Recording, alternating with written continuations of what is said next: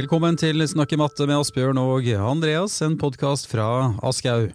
I dag skal vi eh, bevege oss eh, inn på prosent. Og Asbjørn, eh, jeg liksom sa at nå skal vi liksom gjøre noe litt annet, nå skal inn på noe annet enn det vi har gjort de siste ukene. Men du var jo kjapp til å si at dette her henger sammen med de foregående episodene.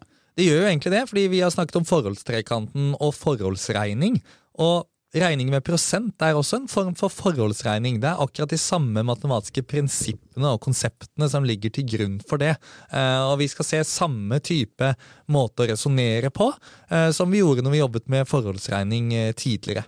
Men vi skal gå litt ordentlig inn da, i liksom progresjonen på eh, denne prosentregninga. Eh, hvordan skal vi bygge opp den? Hvordan skal vi få elevene til å bygge forståelse for prosentbegrepet? Eh, og de har jo hatt noe prosent tidligere på femte og eh, sjette trinn, eh, der de har regnet noe med prosentregning, men dette er liksom her det kommer eh, for alle penga. da. Her er det all in. Mm. Masse prosentregning som ligger på, ligger på 20. trinn. Og vi forutsetter nå i denne episoden at elevene har jobbet godt med sammenhengen mellom brøk, desimaltall og prosent. Mm. Det ligger på en måte forut for der vi er nå. Og så skal vi fortsette på selve regninga med prosent, der vi regner ut prosentdelen av et tall osv. Mm.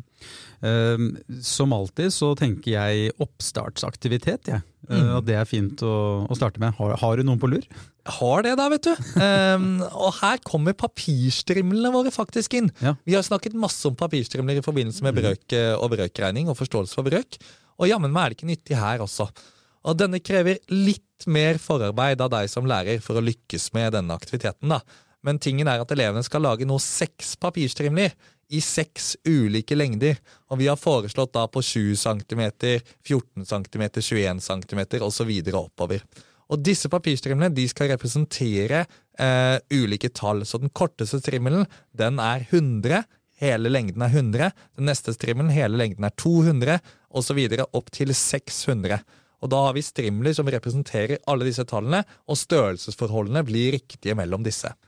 Og så er poenget at elevene skal da eh, dele disse strimlene inn og fargelegge de, f.eks. i 25% 50% 75% og 100% Og så kan man begynne å sammenligne og oppdage sammenhenger. Og da kan man oppdage ting eh, som at 50% av 300 ja, det vil være akkurat samme sted på papirstrimlen som 25% av 600.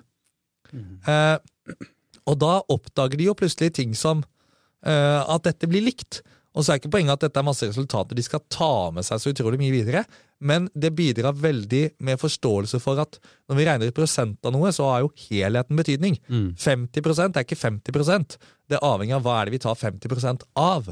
Og det kommer veldig tydelig fram gjennom denne oppstartsaktiviteten. Mm. Det blir jo viktig at disse papirsrimlene, at man er litt nøye med hvordan man klipper. Altså det, sånn at det, det, Man får sett dette mønsteret, for det er sju centimeter mellom hver øh, ja, mellom hver lengde. Rett og slett. Mm. Og, og måte, Grunnen til at hvorfor er det akkurat 7 cm, det er fordi da går eh, tre papirstrimler tilsvarer da jo bredden av et uh, av tre ark, altså tre, mm. og så må du da ha eh, av et A4-ark, unnskyld, og så må du ha to sånne A4-ark ved siden av hverandre, eller et A3-ark, hvis du skal lage de, de lengste strimlene, da, mm. sånn at de lengdene går opp. Men det beste her er om du som lærer kan kutte opp noen av disse strimlene først, eh, og dele ut til elevene. At det elevene skal gjøre, er å dele de inn og oppdage disse mønstrene og sammenhengene. Mm. Eh, og det finnes også digitale varianter man kan, man kan, gjøre dette med. Så litt høyere på en måte inngangsterskel og krav til forberedelse for å lykkes mm. med aktiviteten. Mm. Men hvis man tar seg bryet med å gjøre det, så er aktiviteten veldig god. Jeg vil jo si, altså Der må jeg bare skyte inn dette med forberedelser. Det er jo ofte vi ser i boka, altså hva skal jeg gå igjennom? og så Sånn som den her, da, er jo det er veldig egentlig lite som skal til for at du får til eh, en god oppgave og kan få masse utforsking med elevene helt innledningsvis.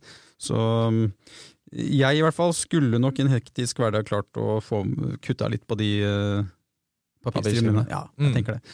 Uh, og så er det jo, uh, Jeg ser jo i boka di Asbjørn, at uh, elevene blir jo bedt om å sammenligne utregning med en tabell. Og så skal de finne ut hva som er likt og, og ulikt. Um, mm. Og Vi har jo vært inne på dette før, men igjen, altså, hvorfor er dette med å snakke om likt og ulikt så verdifullt? Det handler om å bygge forståelse? At elevene skal se hva er det som er felles for disse ulike, og hva er det som skiller de fra hverandre. Og når de gjør det, så bygger man forståelse, man oppdager sammenhenger intuitivt. da. Eh, og det kan både være likt og ulikt i ulike strategier, altså ulike tenkemåter for å komme fram til svaret. Helt innledningsvis her så handler jo det f.eks. om når man regner ut 25% av et tall. Gjør man det ved å dele på fire, eller gjør man det ved å halvere to ganger? Og Det er jo to nesten like strategier, men de er forskjellige. Og man kan snakke om likheter og ulikheter mellom de. Og det er jo da når det gjelder strategiene. Men så kan vi også snakke om likheter og ulikheter når det gjelder representasjonene. Altså måte å vise det fram på. Mm. Uh, gjør vi det med en tabell? Gjør vi det med en forholdstrekant? Eller gjør vi det med en mer formell utregning, bare skrevet med symboler? Eller gjør vi det kanskje med en forklaring med ord? Alt dette er fine måter å visualisere på, og at elevene ser sammenhenger, bidrar til å skape forståelse. Og Dette er en måte som de har blitt vant til å jobbe med nå i eh, Matemagisk. Har man brukt den over noen år, så, så vil man jo se den fine røde tråden i, i dette her. Helt klart.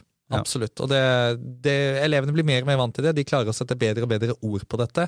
Og jeg gleder meg til vi får elever opp på ungdomstrinnet der jeg jobber, mm. som har jobbet på denne måten over flere år allerede. Mm. For da slipper vi å bruke så utrolig mye tid på å endre tankesettet til elevene i starten. Da er de allerede en del av det tankesettet, mm. og da vil vi få til enda større ting enn det vi gjør nå. Ja. Og, og, litt av altså, greia her er jo dette med å presentere elevene for mange, altså i hvert fall tre her i denne, i denne sammenheng, da, tre ulike måter å, å, tenke på. Fordi eh, vi hadde jo noen elever i studio for, for litt siden som eh, de, de, var jo, de snakket om forholdstrekanten, og de tenker kanskje at i den sammenhengen som de så den der, kanskje ikke trengte den, mm. men kanskje man trenger den eh, senere. Mm. Og så er det, ikke sant, som du har vært inne på, det å stoppe opp og reflektere og ta seg tid. Fordi det handler om at når man da skal løse de oppgavene her, så må man må man jo bruke litt tid da, på hver oppgave. Man kan ikke bare rase videre. Målet er ikke å gjøre flest mulig oppgaver, eh, men målet er å se sammenhenger og bygge forståelse hos elevene. Mm. Og Apropos strategier og forholdstrekanten. Jeg tenkte bare vi skulle ta en liten kort uh, repetisjon på, på, hva forholdstrekanten er, hvis man ikke har lytta til de par forrige episodene, som dere gjerne må lytte til, men der har vi snakket mye om denne trekanten. Det er eh, sikkert mange lærere som er kjent med dobbel tallinje, der vi skriver på en måte et tallsett på venstresiden og et annet på høyresiden av tallinja. Og Forholdstrekanten er akkurat det samme, bare at det er satt opp som en eh, trekant. Og I forbindelse med prosent så vil vi da ha det ved at vi har eh, 100% ofte nederst i trekanten, hvor vi skriver 100% på venstresiden, og så et tall på høyresiden av trekanten, som er hva er det som er 100% i denne oppgaven. Si 600. Og så kan vi skrive 50 ja hva blir det? Ja, det blir 300. 25% kommer til å bli 150. Eh, 10% blir 60. Og så kan vi sette opp mange ulike prosenter på trekanten, og disse kan vi jo da bruke som utgangspunkt for å finne nye prosentdeler av tallet. Hvis jeg vet at 10% er 60, og jeg vet at 25% er 150, så kan jeg legge sammen 10% og 25% for å få 35 og det blir da 60 pluss 150, som er 210. Og da vet vi at 35% av 600, det blir 210. Og Sånn bruker vi forholdstrekanten for å legge opp til logiske resonnementer som man egentlig kan ta muntlig, eh, men som det kan være mange tall å henge med på. ikke sant? Så det å visualisere med forholdstrekanten hjelper for å forstå disse resonnementene. Mm. Merker meg også at ø, vanskelighetsgraden ø, økes jo men uh, det er liksom de samme måtene å tenke på som går igjen.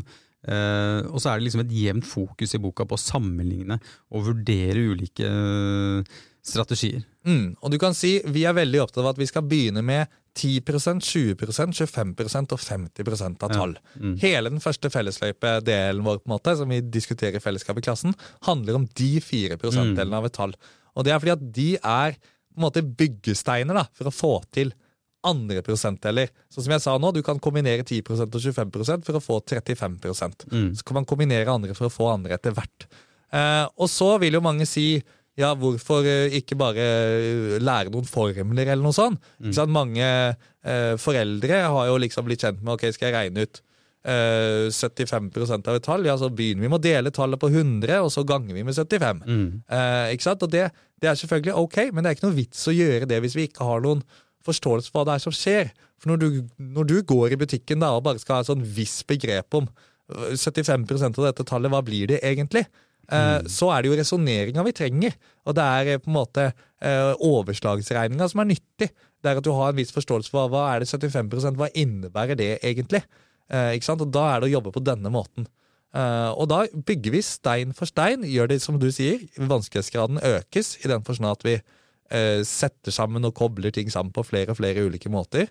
Uh, etter hvert begynner vi å introdusere 1% og så regner vi ut 1 av tall. Og da kan vi sette det sammen og få 3% og så når vi legger sammen 3% og 25% så har vi plutselig 28% Det handler om å bygge tallforståelse hele veien ikke nødvendigvis komme først mulig fram til svaret. Mm. For dette tar jo litt tid, ikke sant? Mm. Men, men, eh, men, vi bygger tallforståelse som elevene tar med seg videre. og Det er veldig nyttig. Oh, fikk sånn gufs fra fortiden nå når du nevnte denne algoritmen der. Ja. Eh, som ble kasta på meg som en bølge. eh, på, ja, det må ha vært eh, rundt sjuende klasse, vil jeg tro. Sjette, sjuende, åttende, jeg husker ikke helt det. Det må ha vært rundt da, eh, den gangen. Men i hvert fall, jeg husker at forståelsen min av eh, det som skjedde, var lik null. Men, men jeg kunne jo bruke algoritmen, da.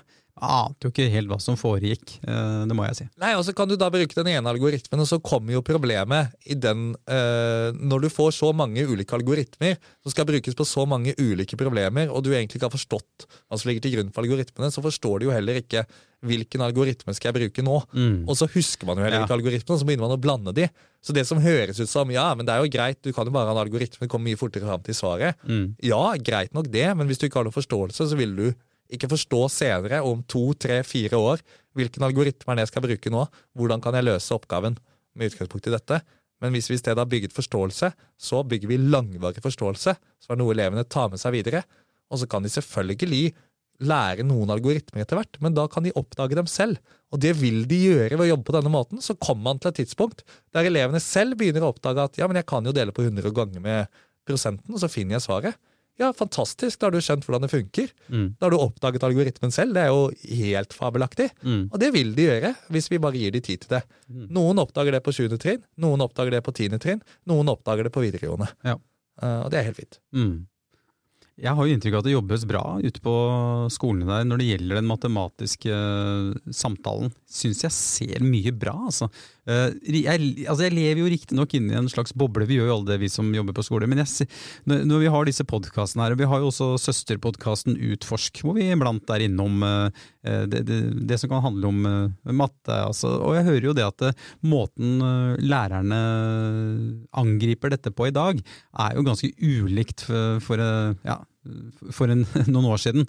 Så uh, det er jo bare å fortsette sånn. Men kjepphesten min er jo å starte så tidlig som mulig. da. Mm. Uh, det er logisk, men det er en påminnelse som er viktig, tenker jeg. Kjempeviktig, og jeg, jeg, er helt enig med deg. Det er så kult å se at det foregår mer og mer av gode matematiske samtaler i klasserommene. At elevene får mulighet til å tenke, se sammenhenger med løsningsstrategier. At lærerne er opptatt av å bygge forståelse hos elevene. Det er utrolig å følge den utviklinga som skjer, eh, og som man har kommet eh, ulike steder i den utviklingen, og det, det er helt uh, forståelig. Mm. Bare merka meg en sak i boka di, Asbjørn. Du skriver at det ofte går raskere å vise hvordan man tenker med en forholdstrekant sammenlignet med å sette opp i en eh, tabell. Er det sånn da at nå er det ønskelig at elevene finner strategier som øh, kanskje sparer dem for tid. Er det det det går på? Altså, øh, fordi, altså Forholdstrekanten tar vel litt kortere tid kanskje enn tabell, eller? Ja, det spørs, det spørs også hvordan man lager disse tabellene, men veldig mange elever når de lager tabeller, de lager jo på en måte ordentlige tabeller med fullstendige ruter og skriver veldig mange tall. og mm. Avhengig av hvordan man setter opp disse tabellene, da, øh, så, så, kan de være ganske tidkrevende å lage. Mm. Enkle å fylle inn i men tidkrevende å sette opp fra, fra bunnen av. Og da kan forholdstrekanten være eh, litt raskere å sette opp. Og så er det jo en del elever som vil si ja, men jeg trenger ikke forholdstrekanten heller. Og da tenker jeg ja, men helt supert det. Hvis du skriver dette bare med utregninger, og det er god nok støtte for at du kan klare å gjøre disse resonnementene, helt topp. Eh, men eh, fordi strategien og resonnementene som skal gjøres, er egentlig de samme uansett hvilken representasjon vi bruker. Så handler det om at elevene eh, gradvis kan abstrahere, da. For det er jo ikke sånn at Når du går i butikken, så må du skulle tegne en forholdstrekant for å kunne klare å regne. liksom. Eh, men, men, det er en tenkemåte som hjelper med å støtte tenkninga og resonnementene til elevene, så lenge som de trenger den støtten. Og så mm. vil den naturlig forsvinne, og de vil naturlig ta den bort etter hvert. Mm. Ja, og så er det jo um, Det er jo artig å stoppe opp i, noen ganger og ha et spill eller en, en aktivitet uh, som man kan gjøre med læringspartner eller flere. Noe sier meg at du har noe på lur der òg. Ja, og ikke sant. Eh, Spill bruker vi jo veldig mye for å kamuflere inn mengdetrening. Mm. Og I dette kapitlet så handler det om å regne ut 10% 20% 25% og 50 av tall. Fordi Hvis vi ikke får til å regne ut det, så blir jo all prosentregninga helt umulig. Mm. Da, da, står vi på bar bakke, så det må vi trene på å bli gode på. Uh, og her er det litt som gangetabellen, på en måte. Det er noe vi med fordel kan øve på, og verden blir så mye enklere for deg selv da, hvis du får til det greit. Mm. Og Da har vi laget rett og slett et, et mengdetreningsspill som handler om at elevene eh, skal få fire på rad. Det er en slags fire på rad-spill, der de triller, eh, triller, to terninger. Eh, så skal de gjøre noen beregninger, og så skal de velge hvilke tall de kan krysse på på en måte spillebrettet. Og så er det først til å få fire på rad. Og de får trent masse på å regne ut eh, prosent. Eh, og det er også mulig for de elever som på en måte klarer dette greit, så finnes det en del Eh, strategisk tenkning det går an å gjøre her for å finne på en måte optimal strategi i spillet. da. Så Det er liksom mulig for de elevene som allerede har skjønt 10, 20, 25 og 50 veldig greit. De har andre ting de kan kose seg med gjennom spillet, ved å tenke på hva er best mulig strategi her. Hvilke tall lønner det seg å velge nå? For elevene har noen valgmuligheter i dette spillet. da. Mm jeg, når jeg har spill i klasserommet, og ja, gjerne med terninger eller hva det måtte være, så merker jeg jo at det er, det er, veldig interessant å gå rundt og høre hvordan elevene snakker med eh, hverandre, og hvordan de også støtter hverandre. Og jeg oppfordrer jo eh, til det, at hvis du har en som spiller som ikke helt får det til, så er det interessant å høre hvordan de seg imellom kan føre en matematisk samtale, sånn at uh, det, den som ikke fikk det til, kommer fram til et svar. Mm. Og det, det, å bare lytte da, eller, litt, eller, begynne å delta i den samtalen, uh, ser jeg på som veldig verdifullt. Uh, hva tenker du er liksom viktig? hvorfor er det viktig med disse typer aktiviteter, tenker du? Jeg tenker det er viktig for variasjonens skyld. Mm. Hvis elevene bare går på skolen for å gjøre en haug med oppgaver og høre på læreren prate, så blir ting veldig kjedelig. Mm. Uh, og da må vi ha bredde av de ulike tingene vi gjør. Og en av de tingene vi kan gjøre, er å uh, spille spill. Elevene synes det er motiverende. De får inn masse mengdetrening. Eh, som er verdifullt, og som er noe vi trenger, og som på en måte er en del av progresjonen de skal eh, gjennom. Eh, og så må vi variere med helt andre ting. At elevene jobber i grupper, at de jobber individuelt, at de diskuterer og snakker matte med hverandre. At vi har timer med store utforskende oppgaver som vi bruker all tiden på. Og at vi har noen timer med flere mindre oppgaver. Eh, så dette er en del av den store pakka variasjon, mm. Eh, ikke sant? Som jo vi har vært innom i, i tidligere episoder. Eh, vi snakket jo med Anders, blant annet, og han snakket jo om VM, som var hans stikkord. Ja. Og Det sto jo for variasjon og mestring. Ja, ja, uh, og spillene er en del av denne variasjonen. Mm. Anders Størk Søvik på Groruddalen. Oh yes, det er bra, bra fyr. Fin fyr. Anders, hvis du lytter, du må, du må komme deg tilbake til Snakke matte-studiet snart. Det er, det er viktig.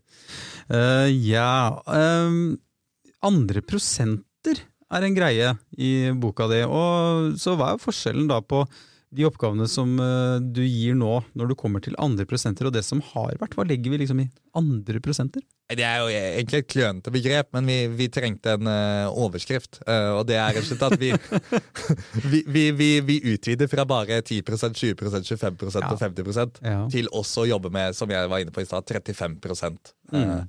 45% osv. Og her også da se ulike strategier. Eksempel er det en oppgave der elevene skal forholde seg til 45 rabatt. Mm. Eh, hvor vi jo eh, vel bruker ganske mye plass da, på å sette opp fire ulike strategier som elevene kan bruke eh, for å regne ut eh, 45% rabatt.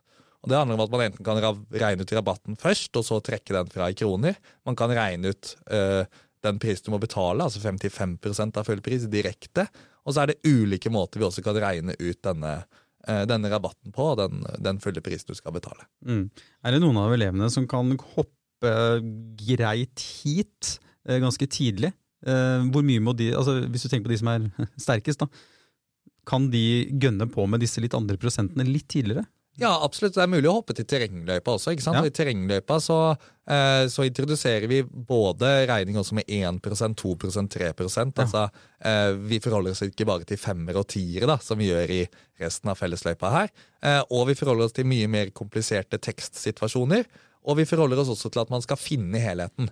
At du f.eks. vet at 30% av tilskuerne på en fotballkamp Eh, det var 900 personer. Hvor mange var det på denne fotballkampen? Mm. Eh, at man da skal eh, gå motsatt vei, kan du si. da. Og Det er resonnering på en annen måte. Så her er det mulighet for å hoppe, og for elevene å lære med ulik progresjon og ulikt tempo, som det så fint står i overordna del. Ja.